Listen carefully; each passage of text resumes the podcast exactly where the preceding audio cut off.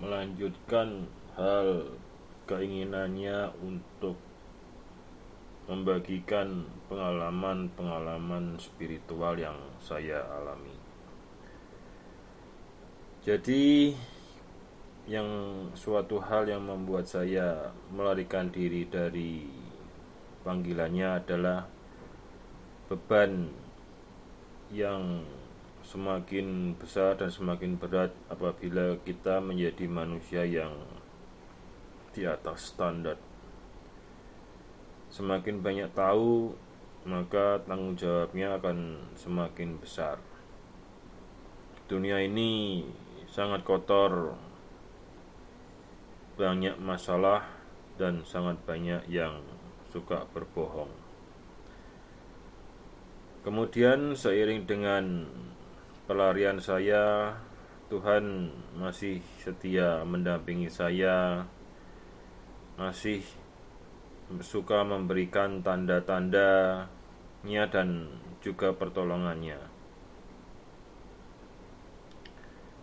Oleh karena itu, hingga saat ini Tuhan memberikan suatu karunia getaran khusus kepada saya untuk memberi tanda kehendaknya,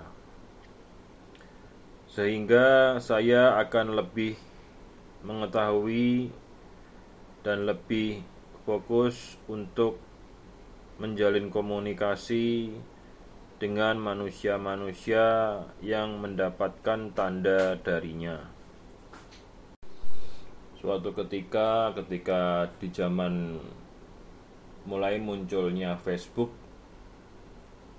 ya biasa kemudian chatting melalui Facebook tersebut.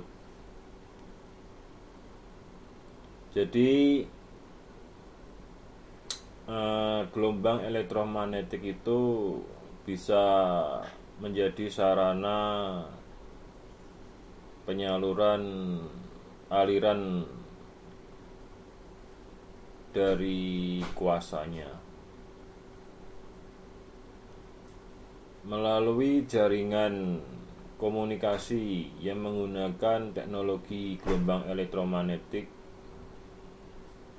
misalnya telepon dan juga internet itu dapat menjadi sarana untuk memberikan penyaluran tanda-tandanya. Suatu ketika saya berkenalan dengan lima orang yang belum pernah saya kenal melalui Facebook. Kelima orang ini mendapatkan tandanya yang saya rasakan getarannya.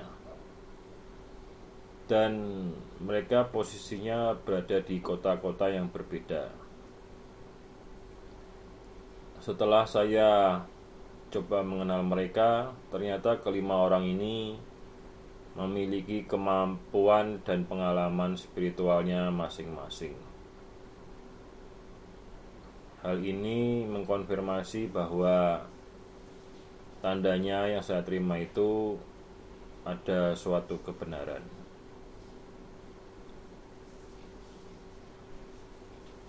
Kemudian mengenai ancaman di dalam kehidupan ini juga pernah saya alami yaitu mengen mengenai kegiatan hipnotis yang dilakukan oleh seorang yang baru saya kenal. Jadi, orang ini suami istri berkunjung ke rumah saya. Entah kenapa, sebelum dia melancarkan hipnotisnya, ada suatu suara atau suatu peringatan yang menyatakan bahwa pernah terjadi sebelumnya, jadi semacam dejavu.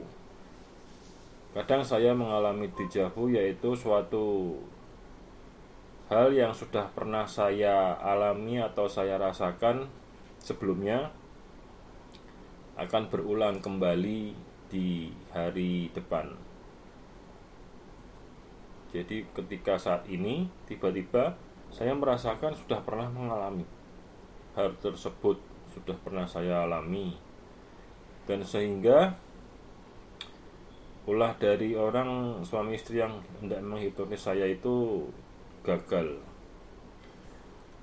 dengan gagalnya usaha mereka itu tiba-tiba mereka sudah tidak pernah menghubungi saya lagi jadi ya setelah peristiwa itu mereka tidak merasa tidak enak dengan saya atau bagaimana sehingga tidak menghubungi saya lagi.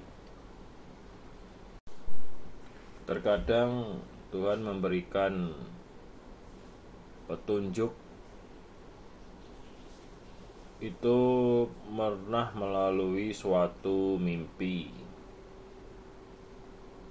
Suatu petunjuk bahwa kehidupan saya ini dalam keadaan yang bagaimana sehingga kita lebih sadar untuk memperbaiki diri. Petunjuk-petunjuk Tuhan itu pada dasarnya bertujuan baik, bertujuan untuk keselamatan, bertujuan menghindari dari yang jahat, bertujuan untuk menolong sesama.